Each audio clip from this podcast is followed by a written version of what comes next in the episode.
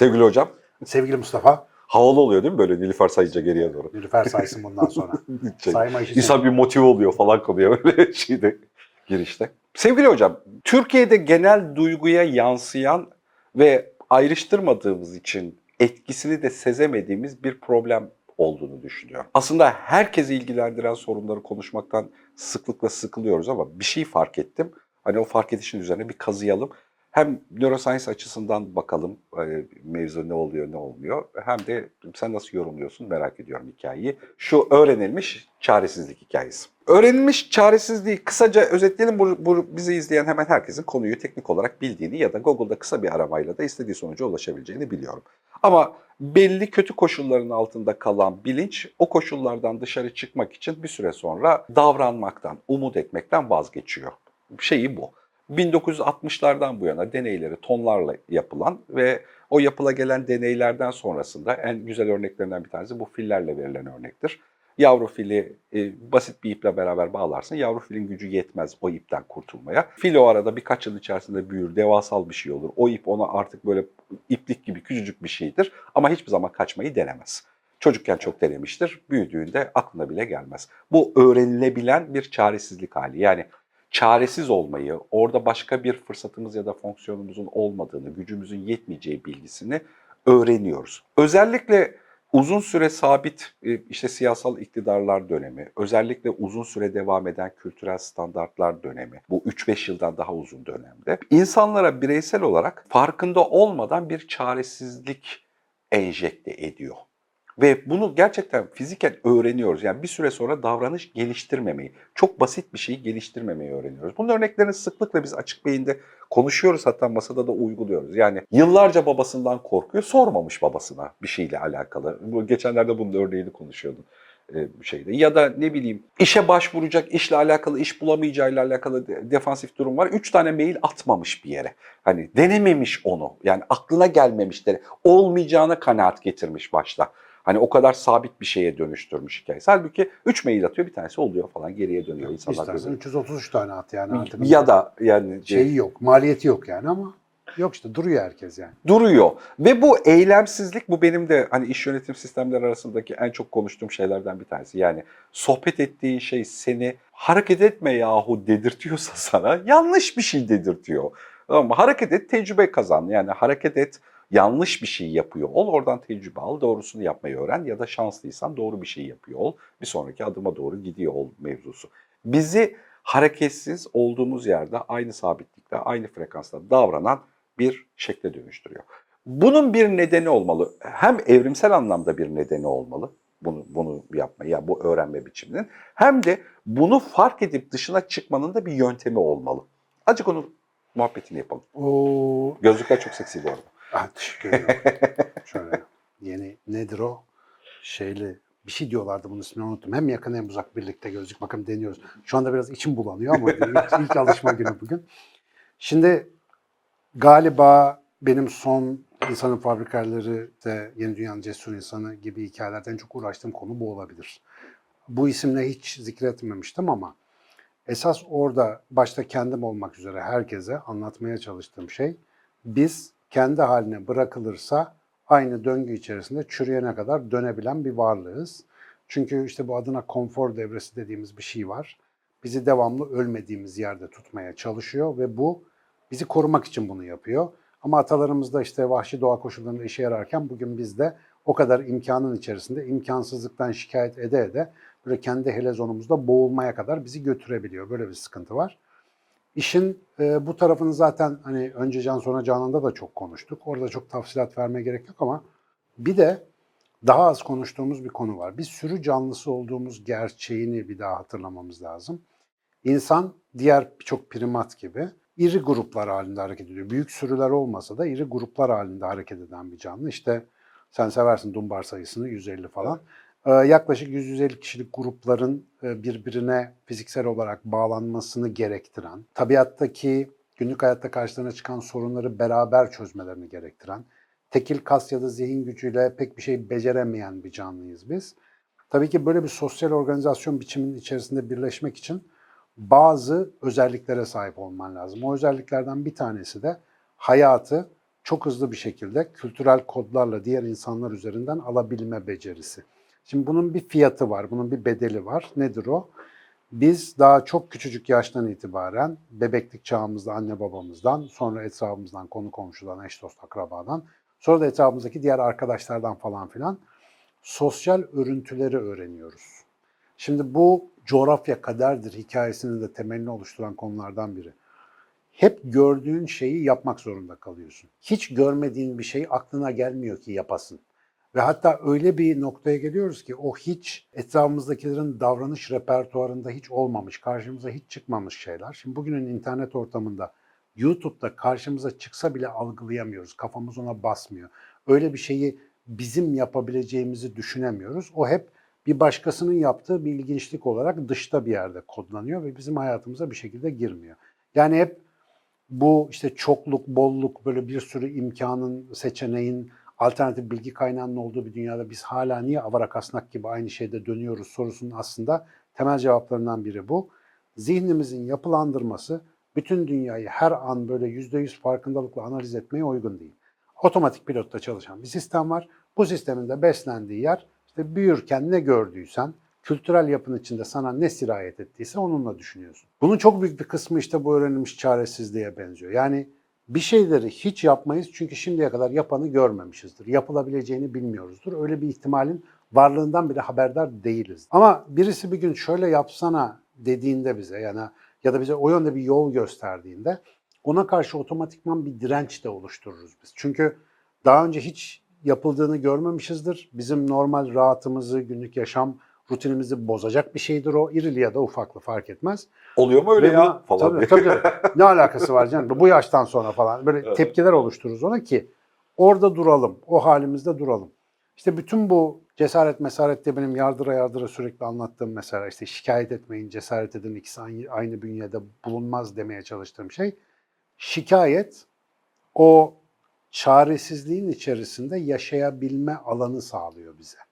Devamlı şikayet ederek enerjiyi dışarı boşaltıyoruz. Çünkü bakıyoruz başkaları da şikayet ediyor. E biz de şikayet edince gayet aslında haklı bir şey yapıyor gibi gözüküyoruz.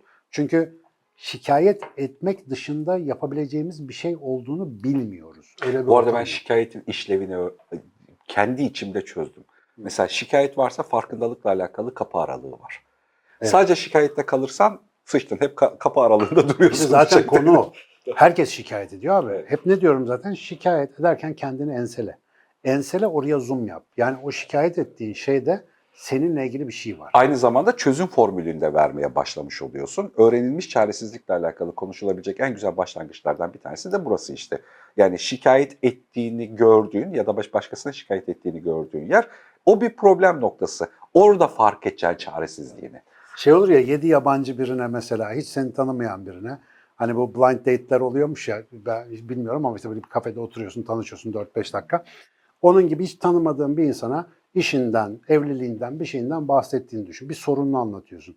Şimdi hiç tanımayan bir insan dinler işte iş yerinde bana şunu yapıyorlar, bunu yapıyorlar, böyle yapıyorlar. Ne der karşıdaki? E, istifa et. Şimdi hemen yani en mantıklı çözüm Boşan. o döngünün dışına çıkmak ya da boşan değil mi? Yani bir sürü şikayet ediyorsun madem çık buradan. Şimdi bu soruyu yedi yabancı birinden duymayı beklemektense arada Oluyor bir böyle ya. bu alternatifleri gündeme getirmek lazım. Şimdi ben mesela ben bu yaştan sonra ya da işte kız başıma ya da Türküz oğlum biz falan filan tarzı bahanelerle ön şikayetler diyoruz bunlara. O ön şikayetlerle yola çıktığın zaman hali değiştirmenin hiçbir e, yolu yok. Ve işin kötüsü şu. Öğrenilmiş çaresizlik paylaşıldığı zaman ki zaten paylaşılan bir şey o başkasından öğreniyorsun. Bir rahatlık sağlıyor. Mesela herkesin ölüm tehlikesi yaşadığı bir yerde ölüm tehlikesi normal. Ama kimsenin ölüm tehlikesi yaşamadığı bir yerde sen ölüm tehlikesi yaşıyorsan bir tuhaflık var. Yani bunu değiştirmek için daha kolay harekete geçebiliyorsun. Herkesin aynı sıkıntıdan şikayet ettiği bir yerde aynı şeyin şikayetini yapmak sana hiç zul gelmiyor, yanlış gelmiyor. Gayet doğal bir hakkınmış gibi gözüküyor ve bu işin daha da kötüsü yanındaki diğer insana da ilham veriyor negatif anlamda. O da diyor ki ben de şikayet edeyim o zaman iyiymiş. Herkes şikayet ediyor ben de ederim. Dolayısıyla bu döngüyü biri kırdığı zaman toplumda dalga dalga yayılan bir mucizeye sebep oluyor. Şimdi genellikle böyle parlak fikirler, inovatif e, şeyler, girişimler ya da ne bileyim büyük felsefi düşünceler, dini akımlar, işte aydınlanmalar onlar bunlar hep böyle cins birkaç tane tipin ya da bir tipin çıkıp ya bir dakika millet yanlış yapıyorsunuz şunu şöyle yapmak da mümkün demesiyle zaten bizim günümüze kadar geliyor. Bizim hayatımızı değiştiriyor. Fakat o bir peygamber, o bir mucit, o bir kaşif, o bir dahi, o bir bilmem ne. Ben kimim ki böyle bir şey yapayım? Bu kişisel yetersizlik noktasında kitlendiğimiz an kendimizi enselememiz gerekiyor. Çünkü benim hayatımda en büyük geciktirici faktör bu. Yıllarca bazı şeyler için bekledim. Yani hep bekledim çünkü bana mı kaldı dedim mesela. Benim gibi, benim ayarımda kimse bunu yapmamış ki ben mi yapayım? Bunu ilk, ilk defa 2013'te kırdım yani işte. O sahneye çıkıp da dışarıdan gelen herkese bilimsel bir şeyler anlatma cesareti gösterdiğim anda dedim ki oluyormuş. Ve daha önce bahsetmiştim yine burada da. Ee, en çok heyecanlandığım sunumlardan bir tanesi Nöroloji Derneği'nin toplantısındaki nörologlara sunum yaptığım zamandı. Yani düşünsene bu işin şahikası. Beyin anlatıyorsun okey. Beyni bilmeyeni anlatınca güzel. Nörologlara ne anlatacağım ben abi? Geberiyordum oraya çıkarken. Ama oradan aldığım geri bildirimde o benim orada yakaladığım şeyi nöroloğun da görmemiş olduğunu fark ettiriyor. Ben başka bir şey görmüşüm. O çaresizlik halini kırıp da bir deneme yaptığın zaman işte hayatın kayıyor ondan sonra bak hala konuşuyorsun senelerden beri. Ee, ama bu örneklerin maalesef işte kısıtlı bir etkisi oluyor bu tip örneklerin. Çünkü sonuçta sahnede yaptığın, insanların toplu halde seni gördüğü bir işe referans veriyorsun ama konu o değil. Konu herhangi bir şey. Yani falanca gıdayı tüketip tüketmemekle alakalı otomatik davranışlarını ekmeksiz yapamam ben var ya. İşte bu bir çaresizlik hali. Niye babam da ekmeksiz yapamazdı? Benim komşularım da ekmeksiz yapamıyor. Dolayısıyla normal insan ekmeksiz yapar. Hayır, ekmek gereksiz bir şeydir yani hayattan çıkabilir. Bunu yapabilirsin. Bu çaresizlik psikolojisi nedeniyle hiç çoğumuzun denemediği bir şey. Hiç elimizi sürmüyoruz. Ama bir deneyelim. Belki gerçekten olmayacak bu arada. Belki hakikaten metabolizmanda bir sorun var, ekmeksiz yaşa ama onu öğrenmen için ondan bir ayrılman, o ezberin dışında hareket etmen lazım. Fakat ne olur kimse kendini suçlu hissetmesin. En başa döneyim. Sürü canlısı olmamızın doğal bir sonucu bunları miras alıyoruz biz. Bunlarla başlıyoruz. Bireysel olarak bu konuya yaklaşırken, tek tek insanlarla konuşuyorken bunu fark etmesi ya da işte odaklanılmış bir sorunla alakalı çözüm üretiyorken de hani bu öğrenilmiş çaresizlikle ilgili sıkışılan konunun fark edilip çözümlenmesi çok kolay oluyor. Sorun bireysel olarak bir etki tepki oluşmadan da kendimizi bu konuyla birazcık sorgulayıp cevaplamakla alakalı yeni bir arenada yaratmak gerekiyor. Şimdi pazar pazar bu konuyu konuşuyor olmamızın nedeni negatiften bir şey oluşturmak değil. Acık kendi içimizde bahar devrimiyle beraber bir şeyler yapıyor olmak. yani hani evet. hazır hazır hareketimiz Gelmiş var. bahar ayları, Hani- gevşer gönül yayları. Burada mesela bunu dediğimizde abi para mı var, ekonomik anlamda ne biçim durumdayız görmüyor musun gibi cümleler bir taraftan gerçek. Ama bir taraftan da öğrenilmiş çaresizliğin cümlesi. Tabii. Yani gerçekliğiyle alakalı söylenecek hiçbir şey yok zaten. Ama bunlar bizim yapmak istediğimiz birçok şeyi engellemeyebilir. Yeni alternatifler, yeni bambaşka denemeler yapmaya fırsat da verebilir bize. Abi bak ana konu ne biliyor musun? Yani ben hayatımda da bunu çok yaşadığım için. En çok iş güç durumlarından şikayet ediyoruz ya biz. Onu örnek olarak alalım. Bir işin var, bir şey yapıyorsun ya da öğrencisin neyse. O hayat tarzı giderken devamlı sıkılıyorsun. Yani bir şey sana uymuyor. Sıkılmaya devam ediyorsun ama sorun şu ki sadece sıkılıyorsun. Mesela yandan bir şey yapayım diye hiçbir çaban gayretin olmuyor. 10 sene geçiyor, 20 sene geçiyor. En sonunda canına tak ediyor. Diyorsun ki artık ben dayanamayacağım ve sonra şu devreye giriyor. E bu olmasa ben ne yapacağım? Ulan 20 senedir yatırım yapsaydın ya bir şeye, yandan bir şeylerle uğraşsaydın ya, hayatını ekstra alanlardan besleseydin ya o zaman kaçış rampaların bir sürü olacaktı ya da birkaç tane olacaktı. Ve netice itibariyle o canına tak eden yere gelmeden önce yani şimdi şu anda bugün Şimdi daha yani hayat devam ederken hayatı biraz zenginleştirmeye bakmalı insan. Çaresizliğin çıkışı çaredir. Çare ise yatırım gerektirir. Yani şimdi bugün daha böyle bıçak kemiğe dayanmamışken, borç gırtlağa varmamışken, hala nefes alabiliyorken, işte hala bir şeyleri değiştirebilme, bir nefeslik de olsa bir boş vakti bir şeye yatırabilme imkanı varken buraya bir şey doldurmak lazım.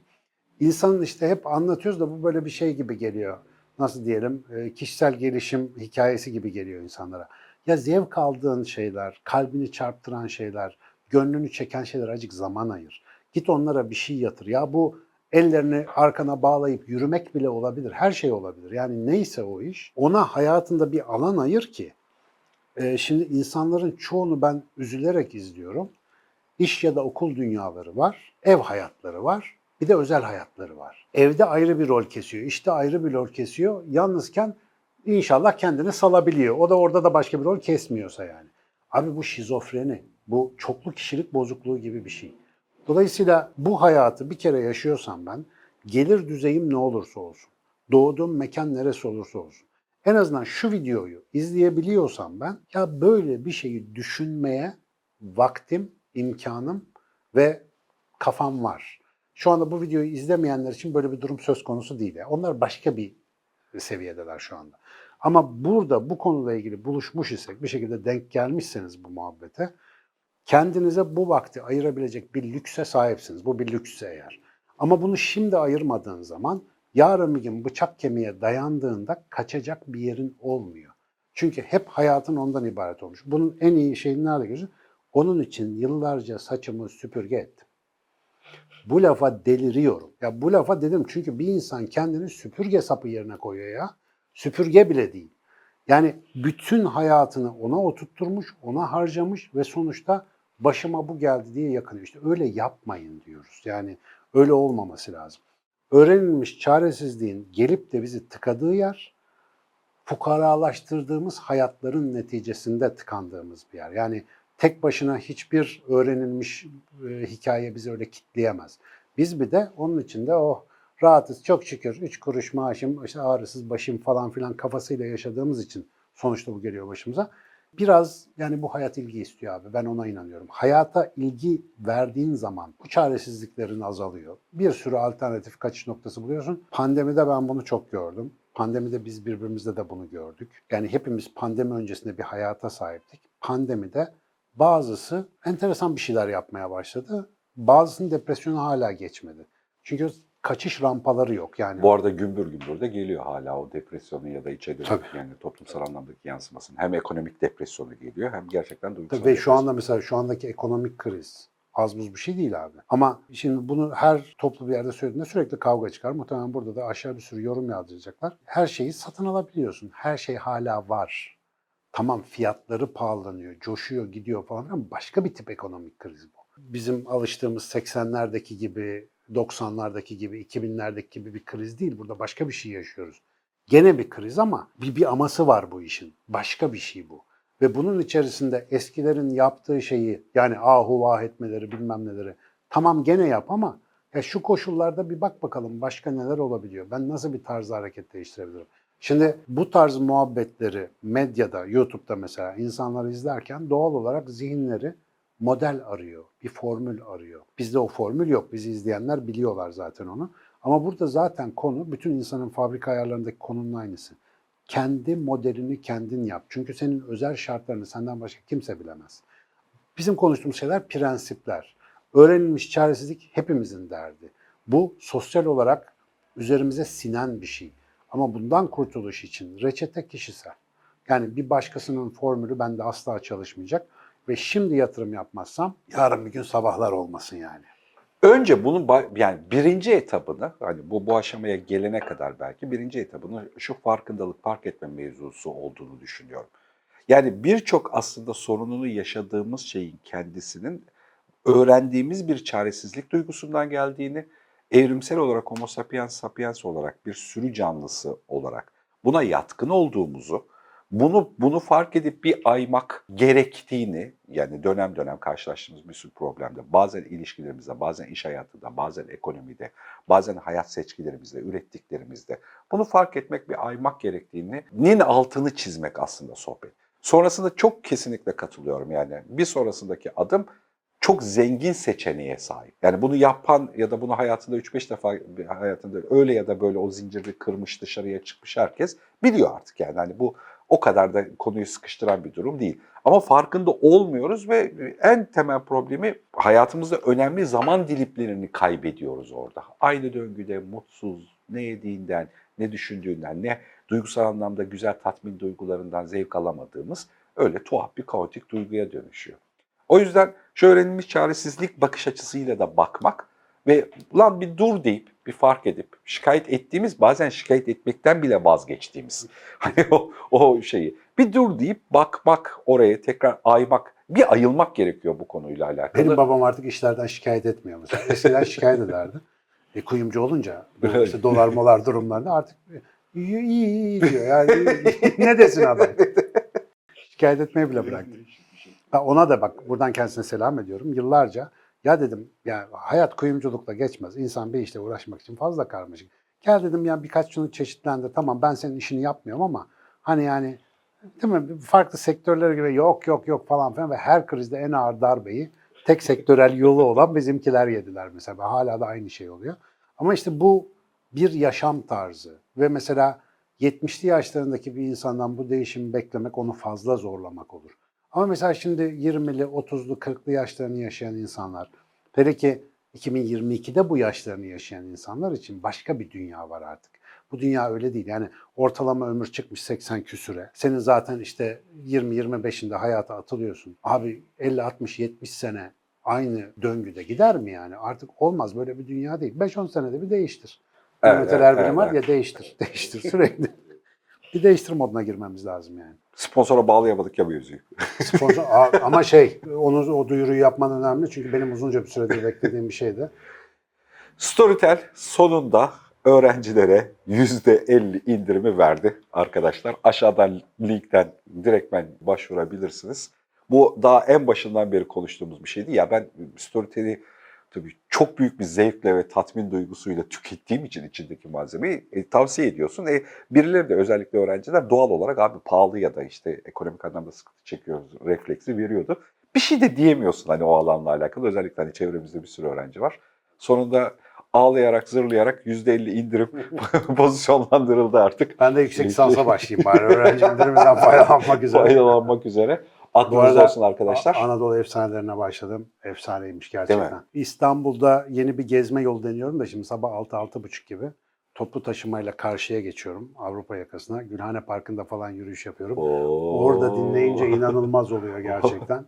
öf öf öf süper bir şey. Yani Halikarnas barıkçısı valla yazmış yani. Ya bir de mesela beni çok şey anlamında şaşırtıyor. Halikarnas balıkçısı yani bundan gerçekten 50 sene 60 sene öncesinde acayip uluslararası bir zihinle şeyi anlatabilmiş ya.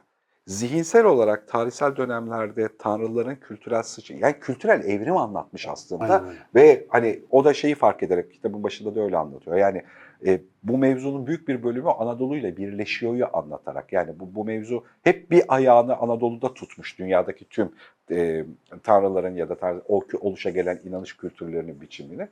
O yüzden yani o mitolojik döngünün tüm Anadolu'dan geçen, coğrafyadan geçen her tür şeylerin bir de şeyler yapıyor ya. Bodrum'da şu koyda, şurada tapınak şurada Abi, falan. Ze- Zeus Truva savaşını Edremit'ten seyrediyor ya. Ya- Var mı böyle bir şey? ya. Zeus dedi mi hep böyle de bir İzlanda'da falan oturuyormuş gibi geliyor bize ama yok Edremit'te adam Kaz Dağları'nın orada yani. Evet evet. ah- Çok çok enteresan bunları böyle dinlemek. Ve bütün hikayenin menşeinin burası olduğunu bir kere daha teyit etmek çok güzel oluyor. Evet ya, ya mesela Herkül'ün ben ilk defa ben mitolojiyle az çok da elim kolum acık vardı yani ilgilenmişliğim de vardı. Ana hikayeleri aramaktan kaynaklı. Ben mesela e, Halikarnas balıkçısıyla beraber şeyi öğrendim. Tanrılar e, kendi içinde savaşta e, yandaş bulabilmek için ilk defa bir insanı tanrı kademesine geçirmekle alakalı 12 adımlık bir sınava aldıkları insanın adı Herkül. Ve aslında daha çok güçlenmesi için değil, üzerinde olan şeylerin bazılarını bırakmayı öğrenmesi için yapılan bir 12'lik sınav olduğunu mesela Halikarnas balıkçısıyla öğrendim. Çok tatlı özetlemiş gerçekten. Çok, Çok, eğlenceli. Ciddi altını çize çize tavsiye ediyorum. Yani kitabını buluyorsanız okuyun, bulamıyorsanız Storytel'de çok güzel seslendirilmişi var. Dinleyin. Öğrencilere de %50 Aynen, indirimli artık. Rahat rahat söyleyebiliyorum. Şeydi. Hocam çok teşekkür ediyorum. Ben teşekkür ederim.